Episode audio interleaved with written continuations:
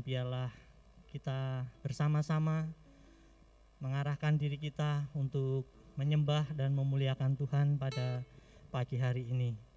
Pada pagi hari ini saya menyambut buat saudara-saudara yang saat ini mungkin mengikuti ibadah secara streaming maupun online di mana pun mereka berada biarlah kasih Tuhan juga memberkati mereka semua pada pagi hari ini.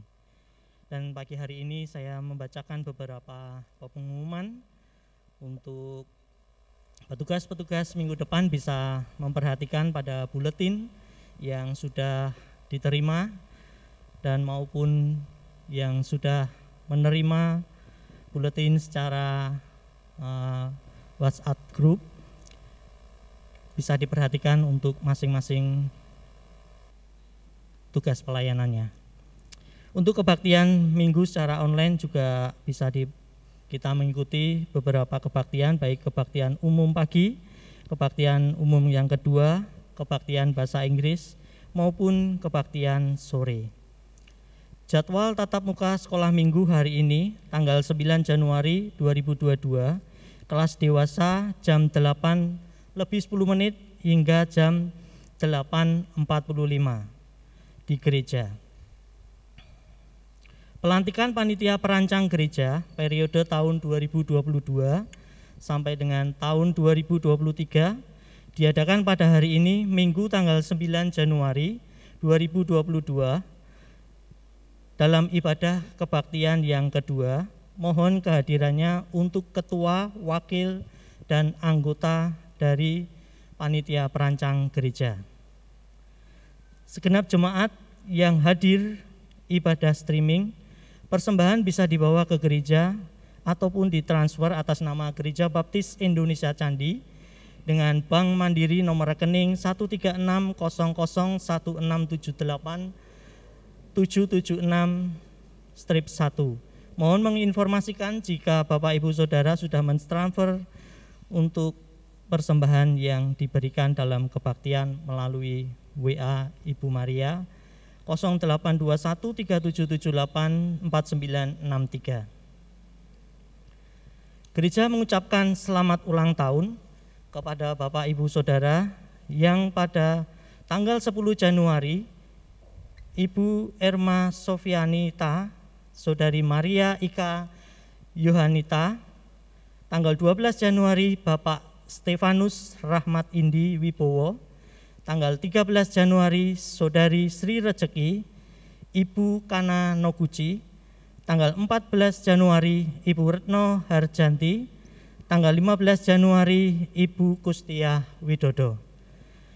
Dan gereja juga mengucapkan terima kasih kepada Bapak Stefanus Rahmat Indi Wibowo yang telah mempersembahkan bunga indahnya pada kebaktian pagi hari ini. Saat ini saya juga menyambut untuk kehadiran saudara Michael Seraya, umur 19 tahun, dari gereja GPKAI Papua. Mohon saudara Michael bisa berdiri agar kita bisa mengenal uh, saudara dengan mari kita beri aplaus. Silakan duduk kembali. Terima kasih untuk kehadirannya pada pagi hari ini dan di lain waktu bila ada kesempatan yang indah kita bisa bersama-sama berbakti kembali di tempat ini. Bapak Ibu Saudara yang terkasih dalam Tuhan, tahun ini kita mempunyai 365 hari. Kita sudah membuka catatan hidup kita sepanjang sembilan hari sampai hari ini. Dan pasti Tuhan memberikan yang terbaik buat kita. Mari kita mengisi lembaran buku kita dengan baik. Saya mengundang jemaat untuk berdiri, kita akan menghampiri takhta Tuhan dengan menyanyikan nyanyi dan bersoraklah. Namun sebelumnya saya akan membacakan beberapa ayat firman Tuhan yang diambil dari Mazmur 128 ayat 1 sampai dengan yang kedua. Nyanyian siarah, berbahagialah setiap orang yang takut akan Tuhan, yang hidup menurut jalan yang ditunjukkannya. Apabila engkau memakan hasil jeripayah tanganmu, berbahagialah engkau dan baiklah keadaanmu. Nyanyi dan bersoraklah.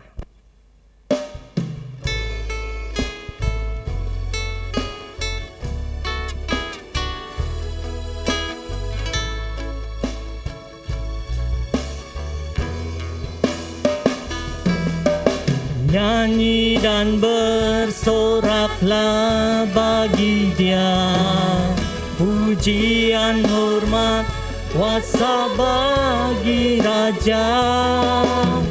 Gunung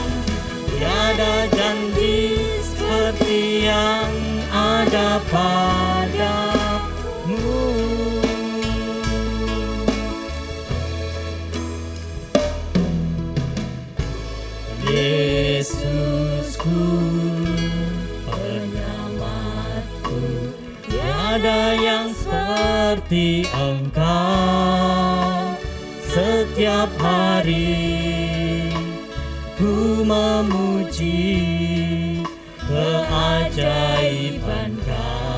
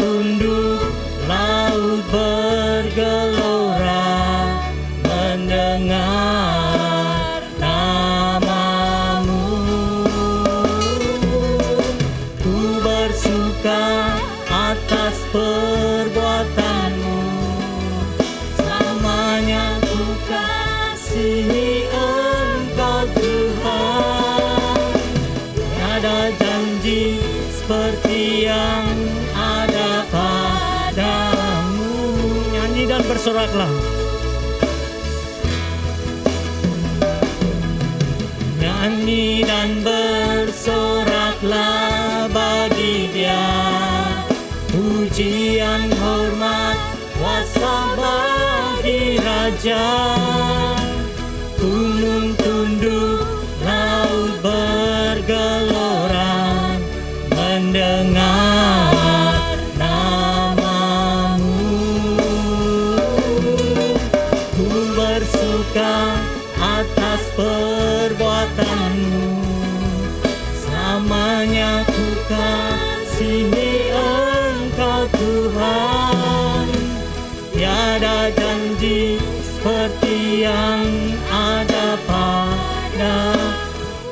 Janji seperti yang ada pada Tiada janji seperti yang ada padamu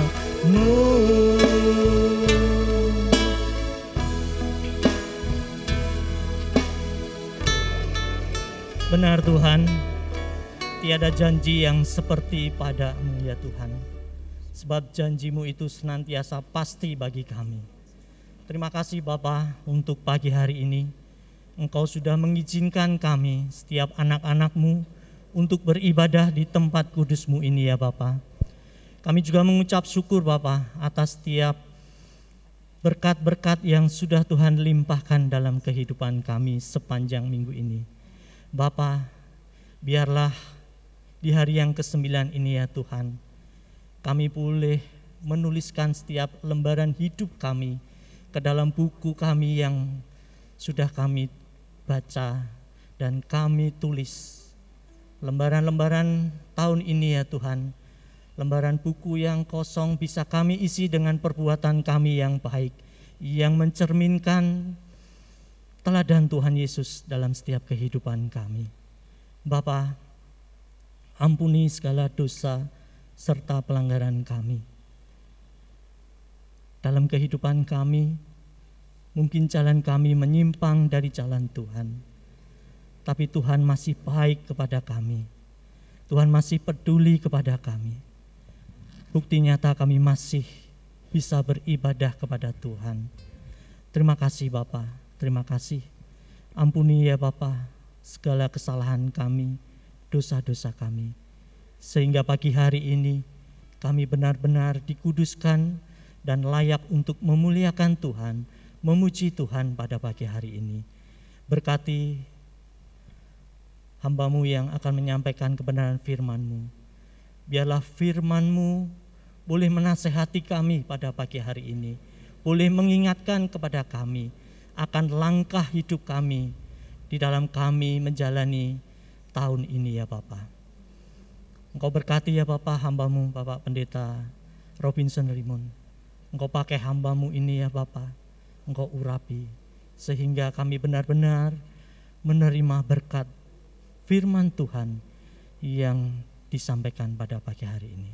Terima kasih Bapak, kami menyerahkan ibadah kami pada pagi hari ini dengan pimpinan dan kasih yang daripada Tuhan. Di dalam nama Tuhan Yesus Kristus kami mengucap syukur. Haleluya. Amin. Dipersilahkan duduk kembali. Dia yang menyediakan tema gereja kita pada bulan ini dan marilah kita menyambut akan dia yang sudah menyediakan bagi kita. Bapa Surgawi memeliharaku. Nyanyian pujian nomor 162 kita nyanyikan semua bait.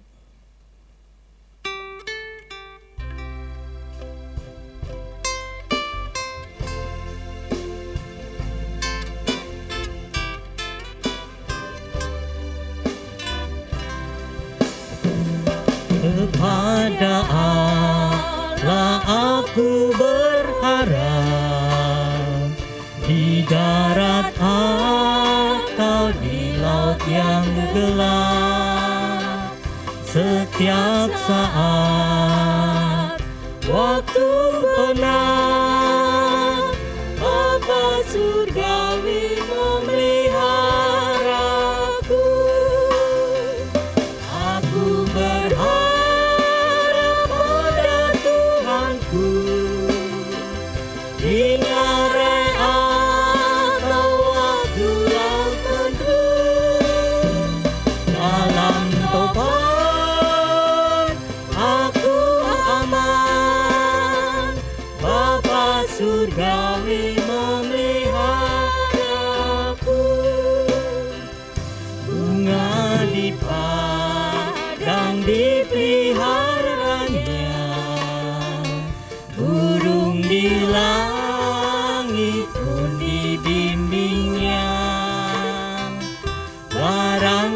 do.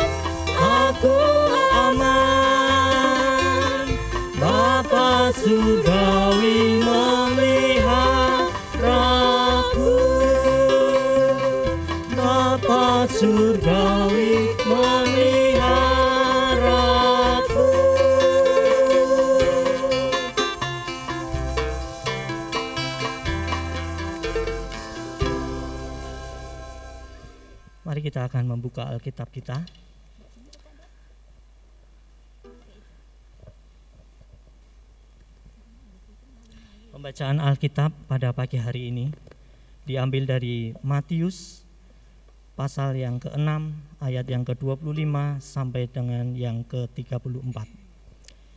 Kita akan membaca silih berganti. Saya akan membacakan ayat yang bernomor ganjil. Bapak Ibu bersama singer akan membaca ayat yang bernomor genap. Saya mengundang jemaat untuk berdiri, kita akan membaca firman Tuhan pada pagi hari ini.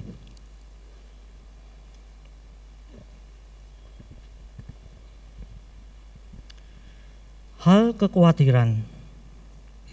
Karena itu, aku berkata kepadamu, janganlah khawatir akan hidupmu, akan apa yang hendak kamu makan atau minum, dan janganlah khawatir pula akan tubuhmu, akan apa yang hendak kamu pakai. Bukankah hidup itu lebih penting daripada makanan, dan tubuh itu lebih penting daripada pakaian? Pandanglah burung-burung di langit yang tidak menabur dan tidak menuai dan tidak mengumpulkan bekal dalam lumbung. Namun diberi makan oleh Bapamu yang di surga. Bukankah kamu jauh melebihi burung-burung itu? Siapakah di antara kamu yang karena kekhawatirannya dapat menambahkan sehasta saja pada jalan hidupnya? Dan mengapa kamu khawatir akan pakaian? Perhatikanlah bunga bakung di ladang yang tumbuh tanpa bekerja dan tanpa meminta. Namun aku berkata kepadamu, Salomo dalam segala kemegahannya pun tidak berpakaian seindah salah satu dari bunga baku itu. Jadi jika demikian Allah mendandani rumput di ladang yang hari ini ada dan besok dibuang ke dalam api.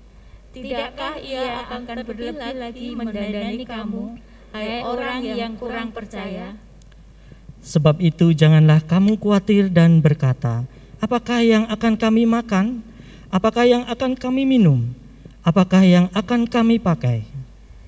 Semua itu dicari bangsa-bangsa yang tidak mengenal Allah. Akan tetapi Bapamu yang di sorga tahu bahwa kamu memerlukan semuanya itu. Tetapi carilah dahulu kerajaan Allah dan kebenarannya, maka semuanya itu akan ditambahkan kepadamu. Sebab itu janganlah kamu khawatir akan hari besok, karena hari besok mempunyai kesusahannya sendiri. Kesusahan sehari cukuplah untuk sehari. Amin. Amin. Dipersilakan duduk kembali. Saatnya kita akan memberikan yang terbaik melalui persembahan dan persepuluhan kita pada pagi hari ini. Kita akan memberikan persepuluhan dan persembahan untuk peduli kasih. Dan sebelum kita memberikan yang terbaik bagi Tuhan, mari kita kembali memuji Tuhan, sahabatku ya Yesus. Nyanyian pujian nomor 319 kita nyanyikan semua bait bait 1 2 terus nanti ada intro kita lanjutkan bait yang ketiga dan keempat.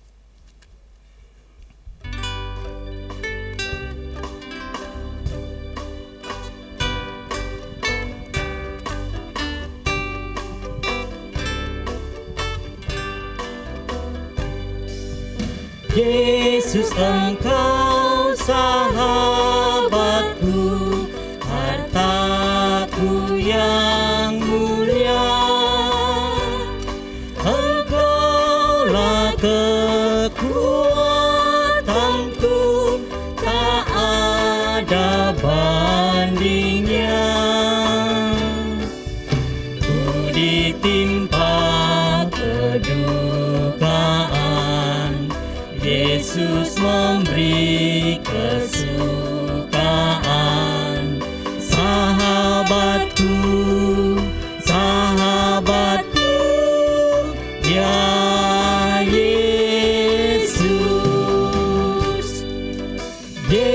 Yesus engkau sahabatku Waktu kesusahan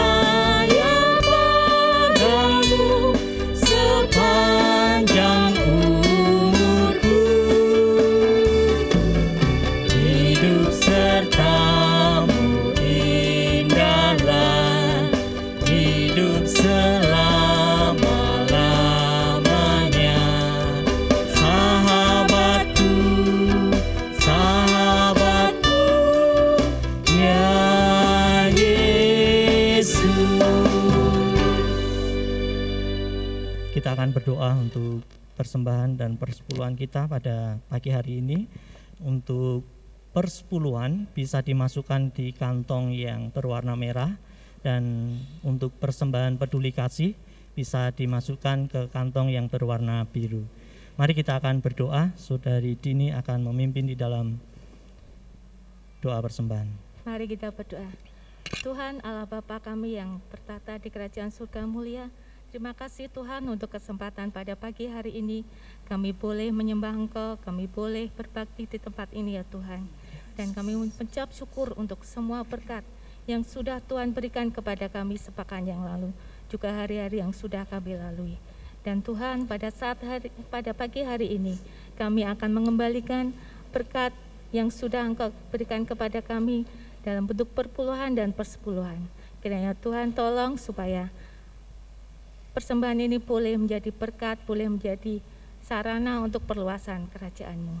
Terima kasih ya Bapak, kami serahkan doa ini hanya di dalam nama Tuhan Yesus Kristus. Haleluya. Amin.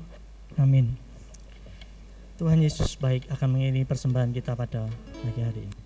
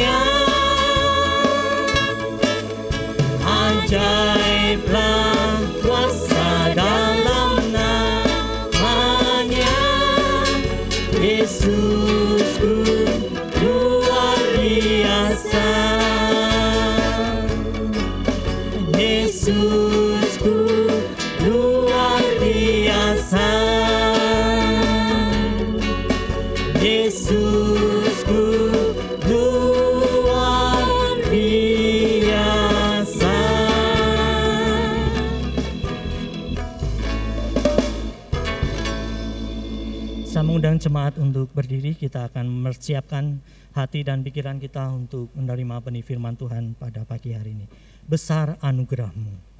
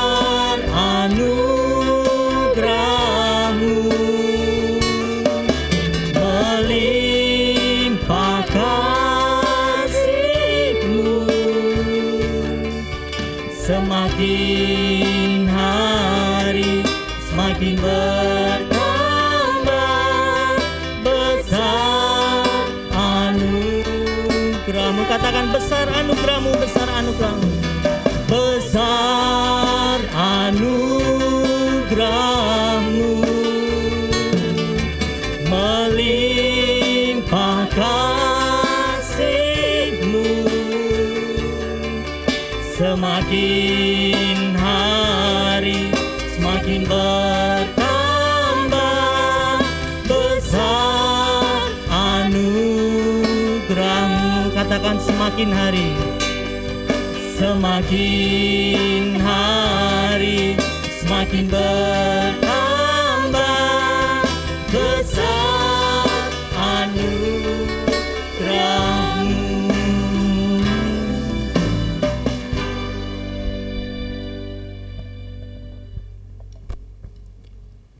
Sungguh besar anugerahmu Tuhan atas hidup kami orang percaya. Kami bersyukur atas segala anugerah dan kebaikanmu dan firmanmu yang kau berikan kepada kami. Berfirmanlah Tuhan kepada kami, bersabdalah melalui mulut hambamu ini Tuhan.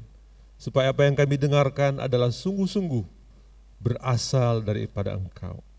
Urapi kami, urapi hambamu, di dalam nama Yesus kami berdoa. Amin. Silakan duduk saudara.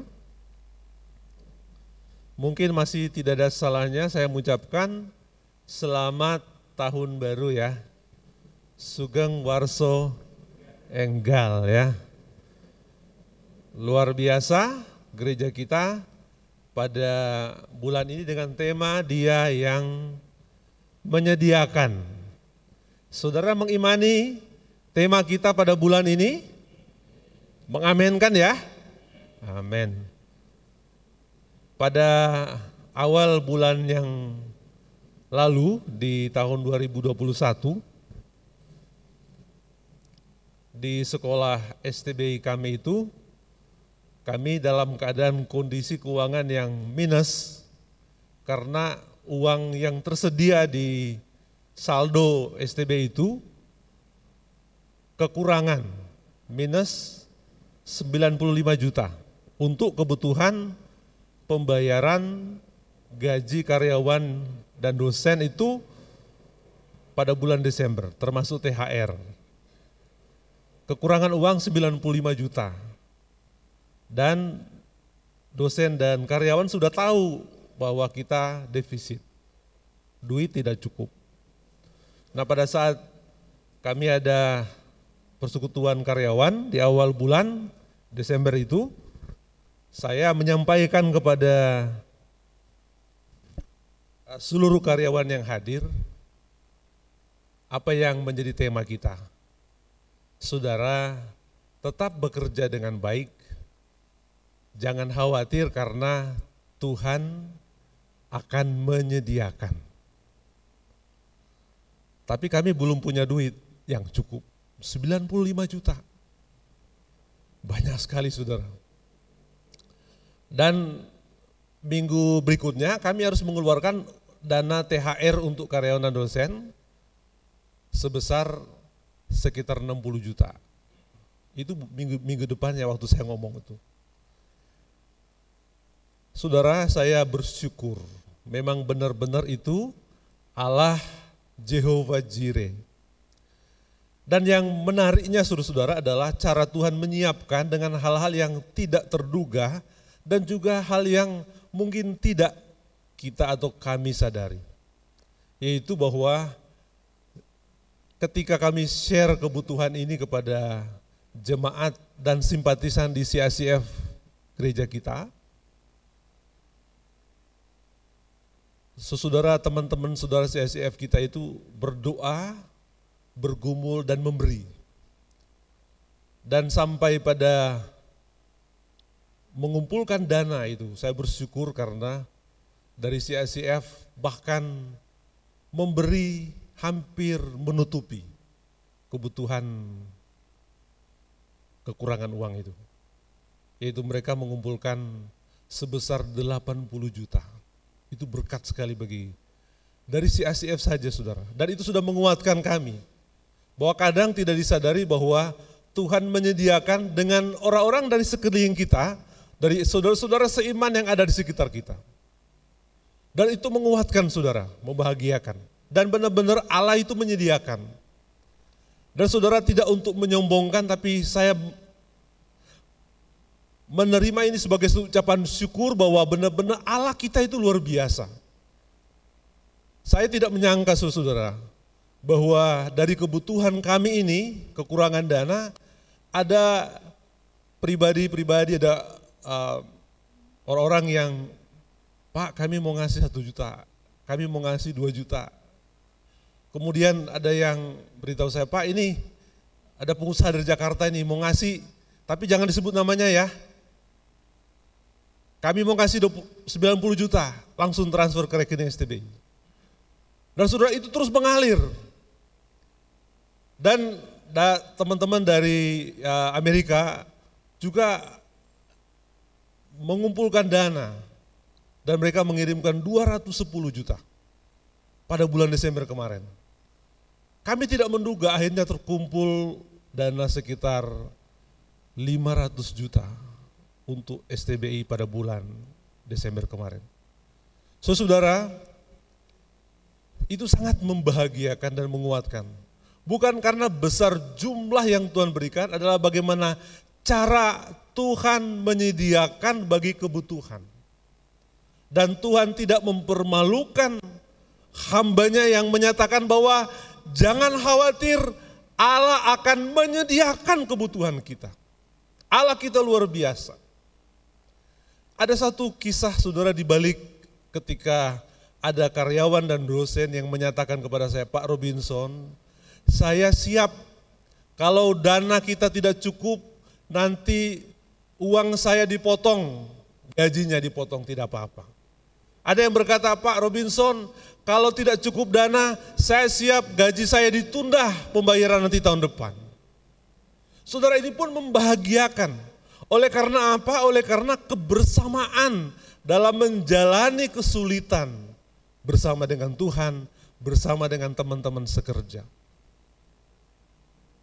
Dan itu saudara-saudara, pengalaman-pengalaman tantangan kehidupan setiap hari bukan hanya dialami oleh kita pada masa kini, oleh orang-orang pada zaman yang akan datang, tapi juga pernah dialami dan sering dialami oleh orang jadi sejak zaman Adam dan Hawa manusia ciptaan pertama sampai sekarang ini. Pada saat Yesus melayani, masyarakat Yahudi juga dalam keadaan-keadaan kesulitan. Oleh karena mereka ditarik pajak yang tinggi, mereka sedang berada di bawah penjajahan Romawi, dan mereka dalam keadaan kesulitan yang amat sangat. Dan ketika Yesus menyampaikan khotbah di atas bukit, itu khotbah yang membuat mereka wah, melegakan, khotbah yang menguatkan. Sampai ada yang berkata bahwa tidak ada orang yang pernah mengajar seperti Yesus, seperti rabi ini. Dan juga menjadi berkat bagi saudara dan saya. Ketika Yesus hadir, ketika dia menyampaikan pesan-pesan ini kepada saudara dan saya. So saudara, saya ingin memberi pernyataan yang pertama. Bahwa Allah penyedia itu adalah pasti. Kita katakan bersama-sama, Allah penyedia itu pasti. Allah menyediakan itu pasti. Itu yang digambarkan oleh Yesus dengan perumpamaan dan gambaran yang sangat amat sederhana ketika dia menyampaikan khotbah di atas bukit. Yang mendengar itu adalah orang-orang biasa, orang-orang pada umumnya anak kecil sampai orang dewasa, dari anak-anak yang berlari-lari ya, mendengar khotbah Yesus bermain. Kemudian sampai orang yang sudah uzur saudara-saudara, mendengarkan khotbah Yesus.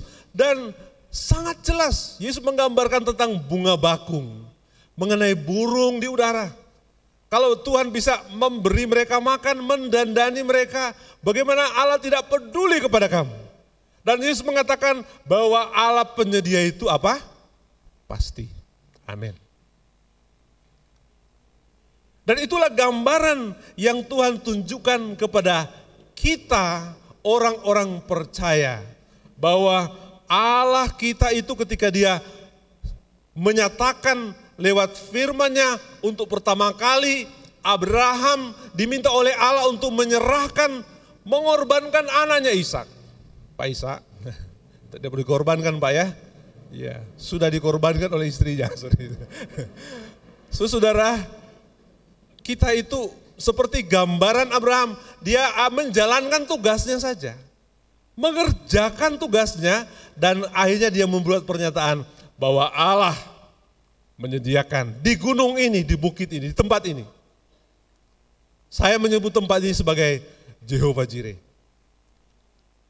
Nah saudara, ketika kita meyakini bahwa Allah itu penyedia dan itu adalah pasti, sebetulnya ada ada yang mendasari. Dalam firman Allah, kejadian sampai wahyu kita menemukan karakter atau siapa diri Allah. Di sini digambarkan bahwa Allah itu mampu, oleh karena Allah itu El Shaddai, Allah itu maha kuasa. Dan dia katakan bahwa Allah tahu semua kebutuhanmu, Allah mengerti apa yang sedang kamu hadapi, Allah mengerti apa yang kamu butuhkan karena Allah itu maha tahu. Allah itu maha mengetahui. Dia maha kuasa, dia maha mengetahui, dia maha tahu. Dan juga saudara-saudara, dia itu maha hadir. Dia ada di mana-mana, dia hadir di tengah kesulitan saudara, di tengah tantangan hidup saudara dan saya. Oleh karena dia adalah maha segalanya.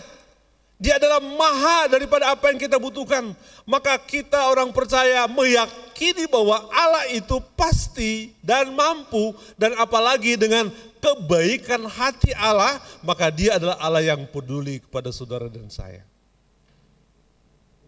Itu sebabnya dengan begitu sederhananya Tuhan Yesus menghadirkan pengajaran mengenai siapa Allah di tengah-tengah kesulitanmu.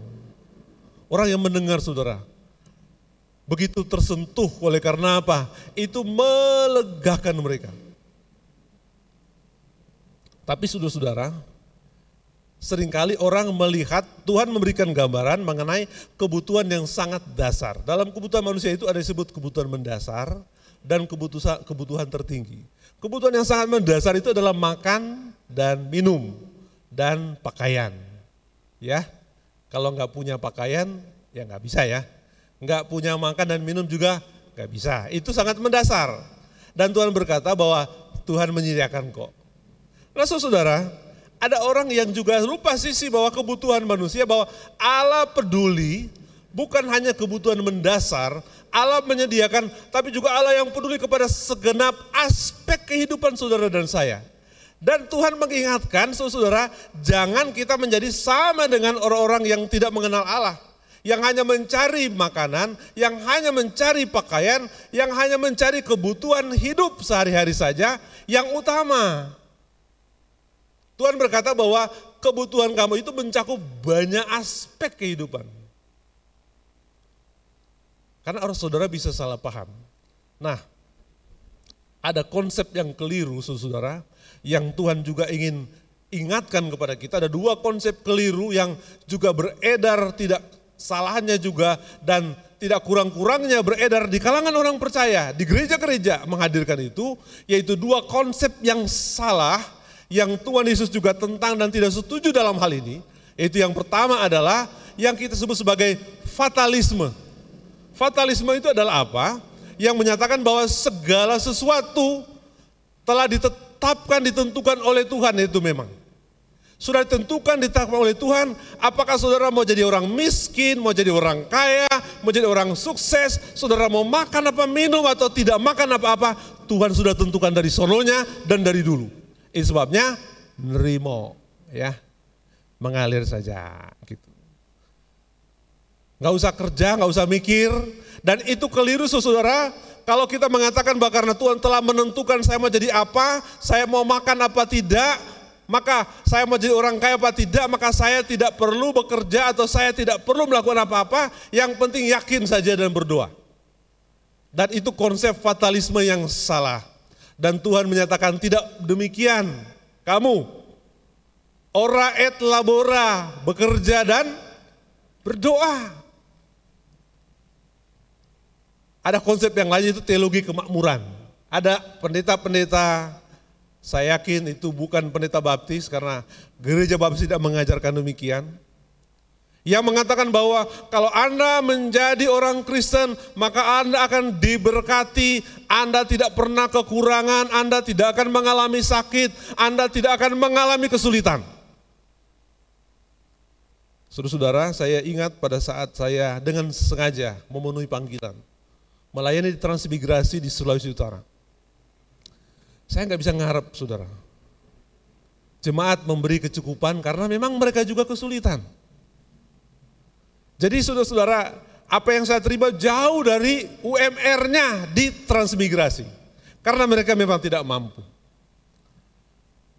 Nah ada saat-saat saudara di mana kami punya kecukupan bersyukur bisa ada beras selama tiga hari.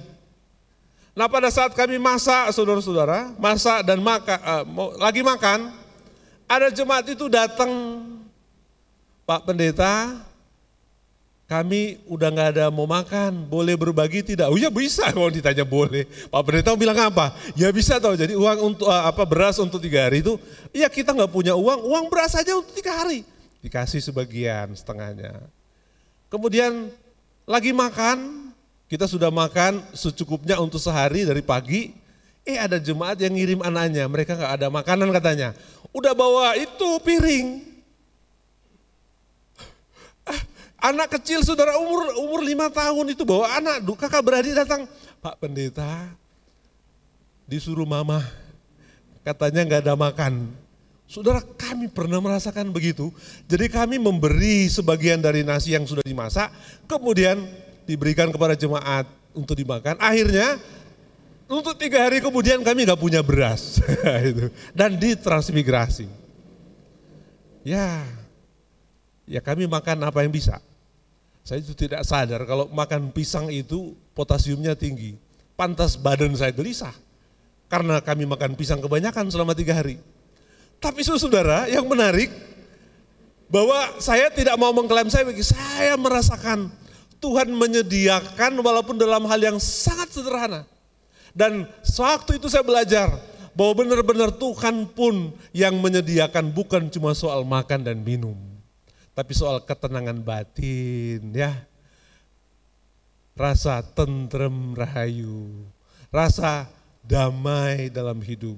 Merasakan bahwa saya bisa berbagi dan merasakan penderitaan dengan orang dan bisa mengasihi, itu juga ada sesuatu yang membahagiakan dan menguatkan.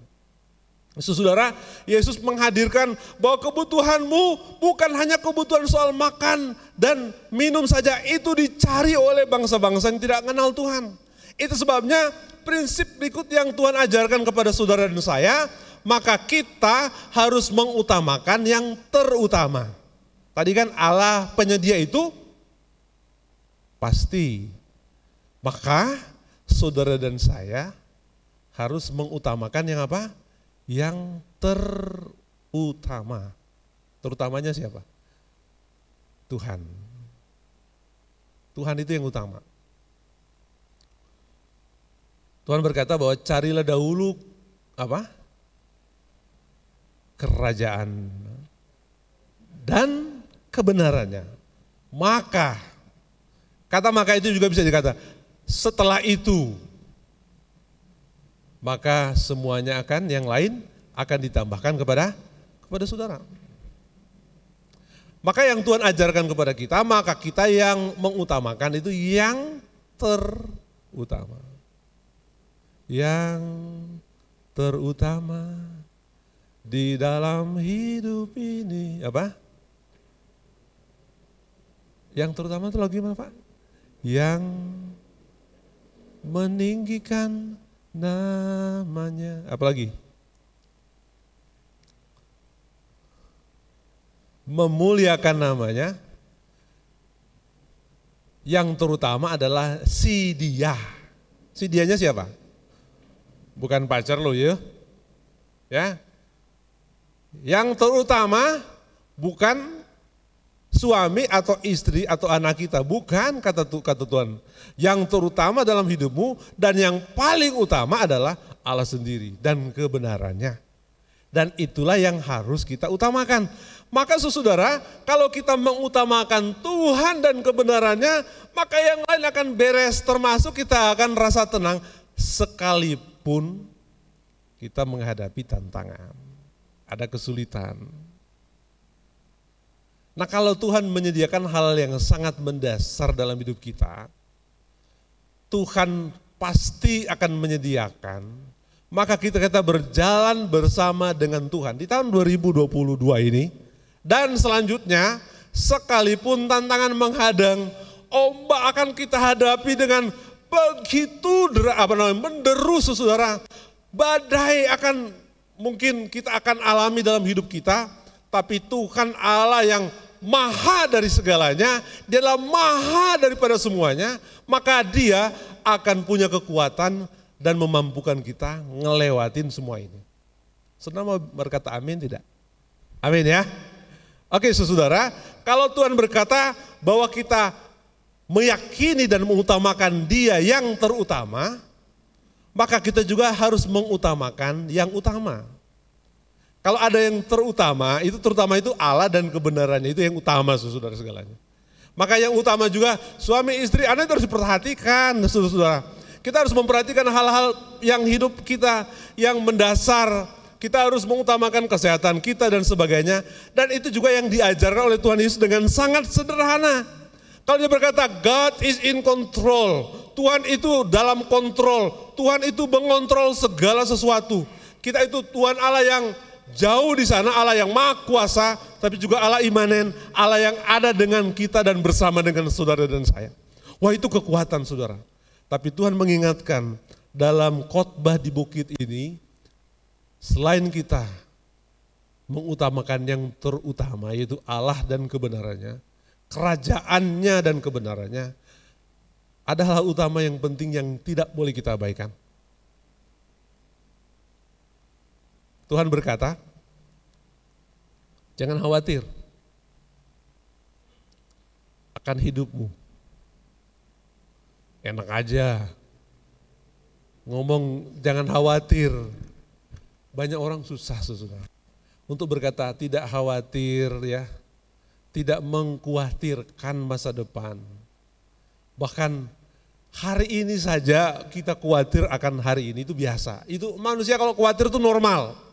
Tapi Tuhan mengingatkan kepada saudara dan saya supaya kita tidak khawatir.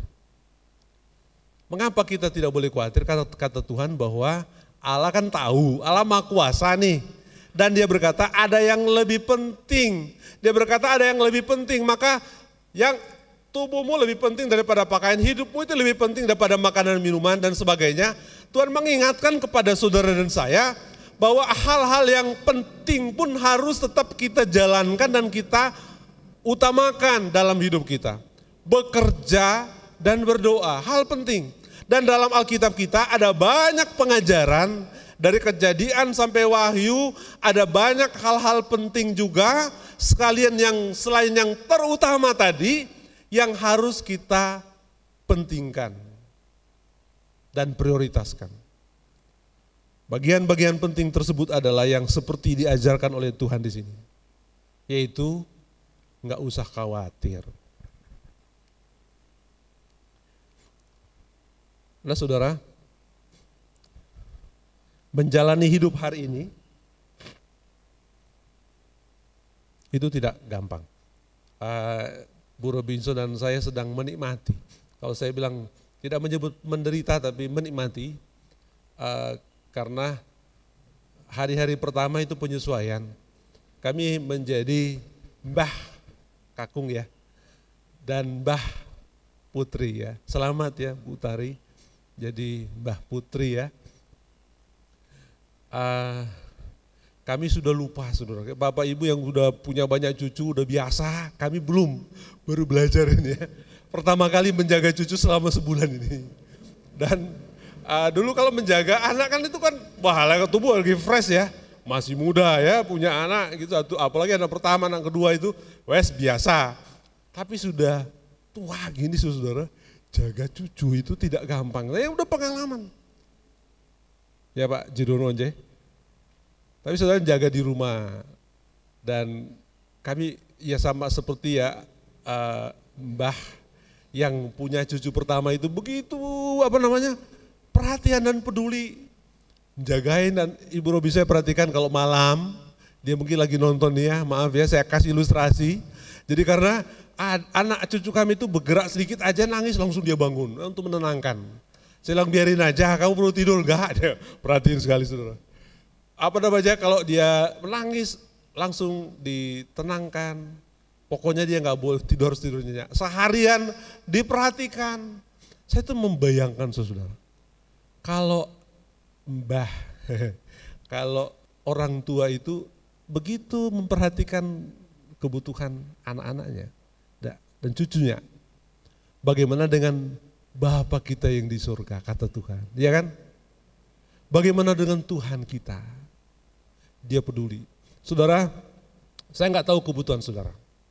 Setiap orang itu punya kebutuhan. Ada yang cukup di soal makan, tapi mungkin tidak mem, sangat membutuhkan di kebutuhan yang lain. Saya berbicara mengenai kebutuhan secara utuh saudara. Dan Tuhan mengingatkan, kamu jangan mengutamakan makan dan minum saja dan pakaian. Itu dicari bangsa-bangsa. Ya, maka ingat kebutuhan kita bukan cuma soal itu, ada bagian-bagian kebutuhan mental, kebutuhan ketenangan, dan yang terutama yang jangan diabaikan dengan Tuhan itu adalah keselamatan. Saudara selamat bersama dengan Tuhan, saudara percaya dengan dia karena dengan saudara percaya kepadanya meninggal hari ini pun jamin masuk surga. Itu utama. Nah, dan Tuhan ingatkan itu. Nah saudara-saudara, tapi saya tidak tahu Mungkin saudara punya kebutuhan yang berbeda-beda. Saya menjadi ketua di STB itu, karena untuk pertama kali bagi saya, saya itu minta doa sama Tuhan untuk kebutuhan saya. Karena saya itu butuh ketenangan, butuh kesabaran. Pada saat saya jadi ketua itu, saya mendengar ada hamba-hamba Tuhan yang tidak suka saya jadi pemimpin, ketua STB. Saya mendengar langsung, ada yang mengatakan begitu, Tuhan tolong beri saya kesabaran, beri saya ketenangan. Dan saudara, Tuhan saya butuh itu. Dan uh, berapa bulan yang lalu saya berjumpa dan dengan sengaja meminta bertemu dengan seorang hamba Tuhan yang sama sekali tidak setuju saya jadi ketua. Kami bercakap selama dua jam saudara, makan bersama. Dan saya mau sampaikan ke saudara bahwa setelah pertemuan ini kami menjadi sahabat dekat dan sangat membahagiakan. Pada saat saya tanya, ketika Pak, pada saat jadi ketua, Bapak setuju saya jadi ketua enggak? Terus tang Pak Robinson. Pada saat Bapak diangkat jadi ketua, saya bilang sama teman-teman, emang kita umat baptis nggak ada orang yang bisa jadi ketua selain Pak Robinson gitu. gitu. Saya tidak setuju dia jadi ketua, gitu. Dia bilang gitu ke saya, saya tidak setuju Pak Robinson jadi ketua. Waduh, lalu bilang kasih alasan. Silakan mengkritik saya, mengkritik STBI. Saudara selama dua jam dia ngomong, dia menyampaikan kritikan termasuk nggak setuju setuju sama saya. Tapi saudara, yang saya bersyukur doa saya Tuhan kasih ketenangan. Saudara tahu enggak? Saya itu merasakan ketenangan secara luar biasa mendengar kepada dia, memberi perhatian kepada omongannya dan saya tidak menentang dia sekalipun. Dan akhirnya setelah pertemuan tersebut kami menjadi sahabat dekat. Dan sampai sekarang dia terus mendoakan saya. Saudara, itu kebutuhan saya.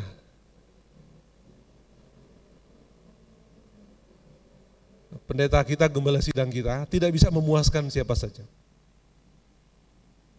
Dia sebagai pemimpin tidak akan seperti saya sebagai ketua tidak akan pernah memuaskan siapa saja.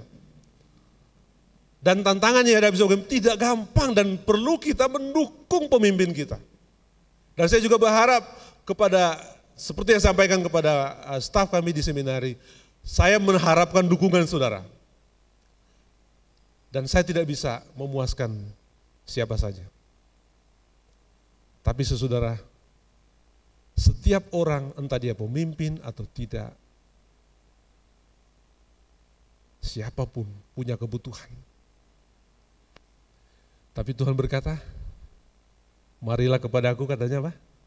Semua kamu yang letih lesu dan berban berat, datang kepada Saya datang pada Tuhan, Tuhan tolong. Saya lemah Tuhan. Kadang-kadang saya baperan gitu. Saya tuh nggak tahan kalau saya disebut gitu ya. Akhirnya saya Tuhan kasih kekuatan untuk mampu melewati. Sekalipun mungkin ke depan saya pasti akan menghadapi tantangan lagi, tapi ada janji yang pasti. Tuhan berkata, datanglah kepada kepada. Mari saudara kita berdoa bersama. Saya nggak tahu apa yang sedang saudara alami. Saya tidak tahu kondisi apa pun yang sedang saudara lewati sekarang ini. Tapi satu hal yang pasti, Tuhan menyediakan. Bukan hanya soal makan minum saudara, kebutuhan saudara. Tuhan ingin dan selalu mendengar saudara. Dia ada bersama dengan saudara. Berdoa setiap orang. Datang kepadanya. Mungkin saudara sedang butuh sesuatu yang tidak seorang pun yang tahu di tempat ini. Tapi hanya saudara dan Tuhan. Tidak ada salahnya saudara ceritakan kepada Tuhan. Karena dia Allah penyedia dan dia adalah maha dari segalanya. Dan dia adalah juga adalah Allah yang maha memahami keadaan saudara.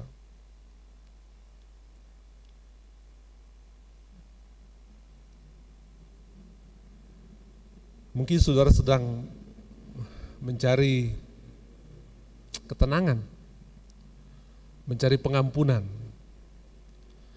Mungkin kebutuhan saudara bukan soal pakaian, tapi mungkin kebutuhan soal mental, batin saudara. Mungkin kebutuhan saudara secara jasmani sudah terpenuhi, tapi rohani belum.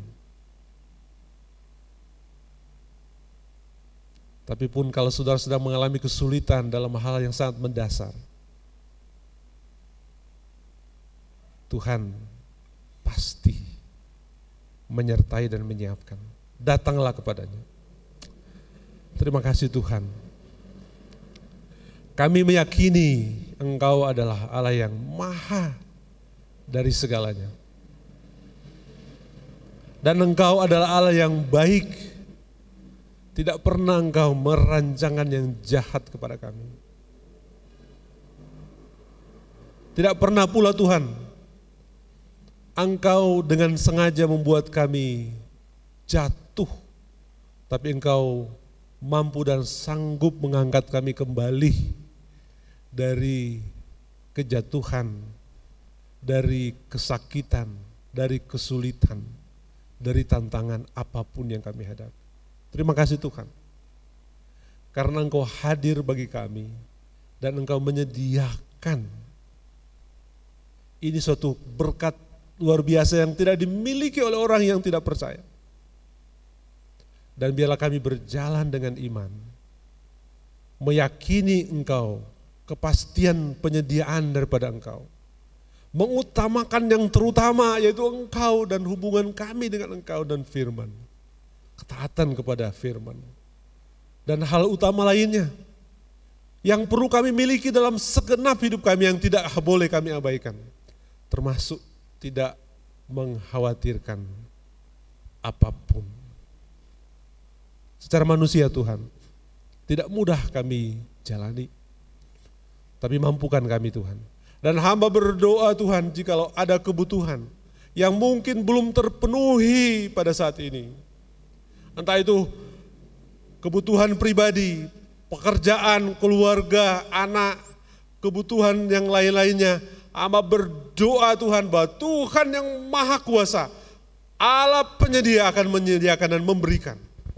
Apakah itu kesehatan daripada pribadi masing-masing. Apakah itu suatu kebutuhan keuangan finansial yang sangat berat dihadapi.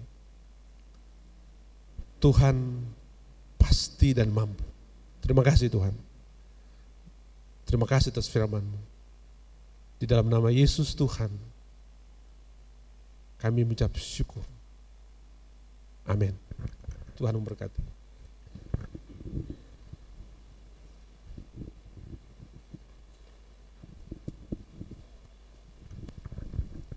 Terima kasih Pendeta Robinson Rimon sudah menyampaikan firman Tuhan untuk kita.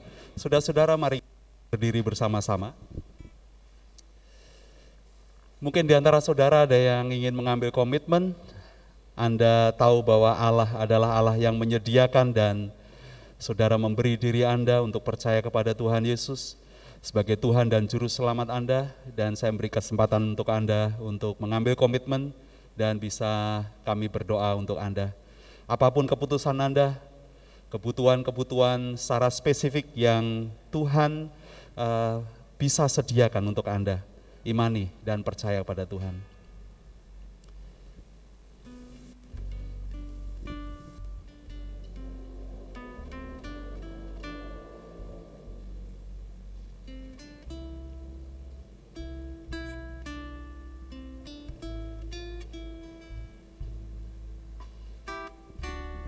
Silakan setiap kita bisa berdoa pada Tuhan.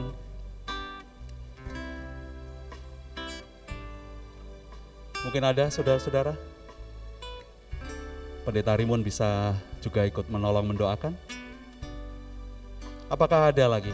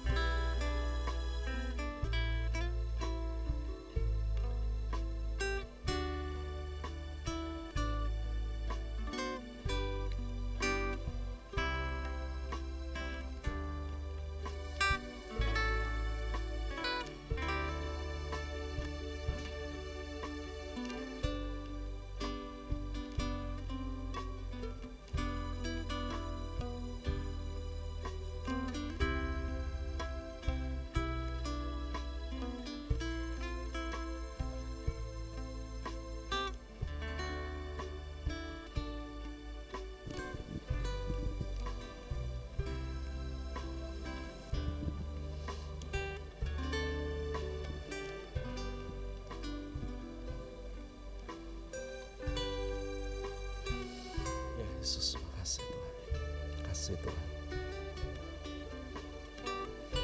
Kasih Tuhan. Haleluya. Yesus, Yesus. Yesus, Yesus. Yesus. Makasih Tuhan. Yesus. Ya, Bapa di dalam surga, Engkau Allah yang ajaib. Engkau penyedia yang ajaib. Engkau Allah yang berkuasa atas hidup kami dan sejarah hidup kami dan bahkan sampai kekekalan. Engkau Allah penyedia. Dan kami bersyukur dan kami mau bersyafaat bagi bangsa dan negara kami supaya Tuhan akan menopang, memberkati pemerintahan kami, Presiden Jokowi dengan seluruh kabinet dan seluruh pemerintah baik di provinsi maupun daerah dan yang terdekat dengan kami. Tuhan Engkau memberkati sehingga pemerintahan kami dapat melayani seluruh lapisan masyarakat Indonesia dengan sebaik-baiknya, dengan tanggung jawab yang tinggi, dengan dedikasi yang tinggi, dan Tuhan berkati supaya pemimpin-pemimpin kami menjadi pemimpin-pemimpin yang cakap, yang sungguh menyediakan dan memberikan peluang bagi seluruh rakyat Indonesia untuk menikmati kesejahteraan dan damai, keamanan, dan terlebih di masa pandemi ini, biarlah Tuhan dan tanganmu saja yang menopang ke bangsa kami ini supaya kami dapat keluar sebagai pemenang dan Tuhan akan memberkati semua strategi dan program yang dijalankan oleh pemerintahan kami dan didukung oleh seluruh lapisan masyarakat Indonesia supaya pandemi ini dapat kami lewati. Dan terutama secara khusus untuk saudara-saudara kami yang uh, sedang dan dilanda dengan berbagai macam bencana yang ada di uh, Indonesia dan terutama untuk di erupsi Semeru, Lumajang dan sekitarnya dan juga uh, banjir bandang juga yang beberapa waktu yang lalu terjadi di Aceh Utara. Tuhan berkatilah supaya setiap tempat-tempat yang sedang mengalami kesulitan, bencana, Tuhan akan menyediakan yang terbaik untuk mereka, baik kebutuhan secara fisik maupun secara mental dan biarlah mereka juga dapat dipulihkan secara batiniah untuk bisa dan punya semangat kembali untuk melanjutkan uh, perjuangan hidupnya dan kami mohon berkatilah supaya setiap kami anak-anak Tuhan juga bisa terlibat di dalam pelayanan ini dan kami bisa memuliakan Tuhan dan bisa menjadi kesaksian bagi mereka agar namamu dipermuliakan. Terima kasih Tuhan, inilah syafaat kami kepadamu untuk bangsa dan negara kami. Berkatilah di dalam nama Tuhan Yesus Kristus kami berdoa. Jemaat Tuhan pulanglah, bawalah berkat dan kasih sayang dari Bapa di dalam Yesus Kristus dan Roh Kudus dengarkanlah dia. Maka dia akan memberitahukan jalan-jalannya kepadamu sehingga engkau diberkati, diberkati dengan kasih dan sukacita kebajikan dan kemurahan Tuhan akan mengikutimu ke mana pun engkau pergi. Engkau akan dilimpahi dengan kesehatan, perlindungan dari segala macam penyakit dan bahaya. Dia akan memberkatimu dengan anak-anak dan keturunanmu akan menjadi berkat bagi bangsa-bangsa. Dia akan memelihara kehidupanmu secara total dan melimpahkan rezeki dengan murah hati dan setiap tangan-tanganmu yang bekerja diberikan keberhasilan dan keberuntungan dan saksikanlah kepada orang lain apa yang sudah Bapamu perbuat dalam kehidupanmu sehingga orang melihat perbuatan Bapamu yang baik dan mereka juga menyembah Bapamu yang di sorga. Terima kasih Tuhan Yesus inilah ibadah kami, korban syukur dan puji-pujian kami naikkan untuk Engkau saja Yesus Kristus, kepala gereja kami dari sekarang sampai selama-lamanya. Haleluya. Amin.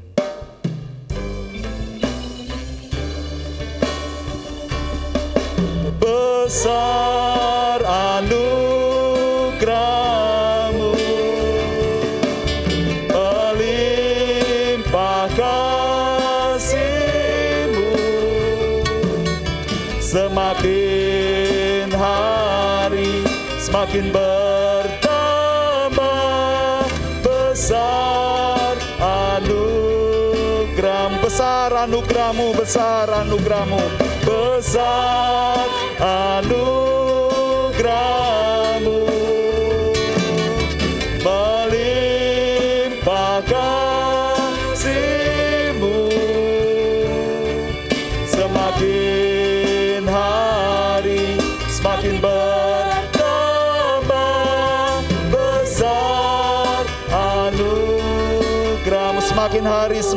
bertambah semakin hari semakin bertambah besar. Anu sekali lagi semakin hari semakin bertambah.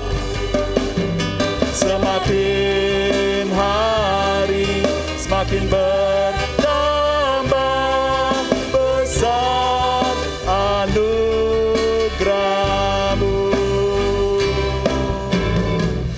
Saat teduh saudara-saudara selamat pagi. Dia yang menyediakan.